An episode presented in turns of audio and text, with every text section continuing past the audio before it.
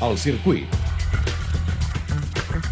Hola, soy Loris Capirossi y hoy vado a explicar un poquito le características del circuito de Mugello.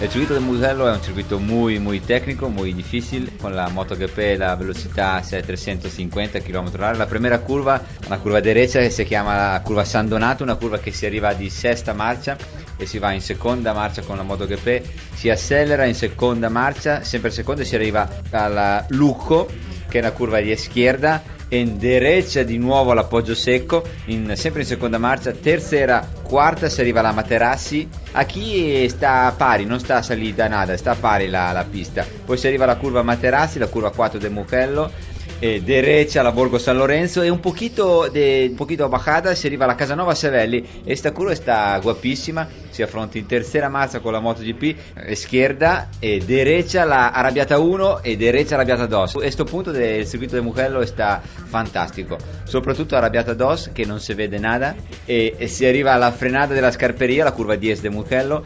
Una frenata molto intensa perché si arriva dalla tercera, quarta marcia alla seconda, schierda derecha alla Palagio, poi si accelera di seconda, terza, quarta e si arriva al correntaio. Il correntaio è la curva 2 del circuito Mugello, si affronta la prima della Biondetti, Biondetti 1 e Biondetti 2, terza, quarta l'uscita e si accelera quarta, quinta per arrivare all'ultima curva del Mugello che è la Bucine. La Bucine è una curva difficile perché si può interpretare in modo diverso. Per sfruttare tutto il piano, dalla terza si arriva alla sesta e di nuovo tutto il rettilineo. Ma il rettilineo del Mugello non sta a un rettilineo perché ha un punto quando con eh, la velocità massima è a 340 circa km orario.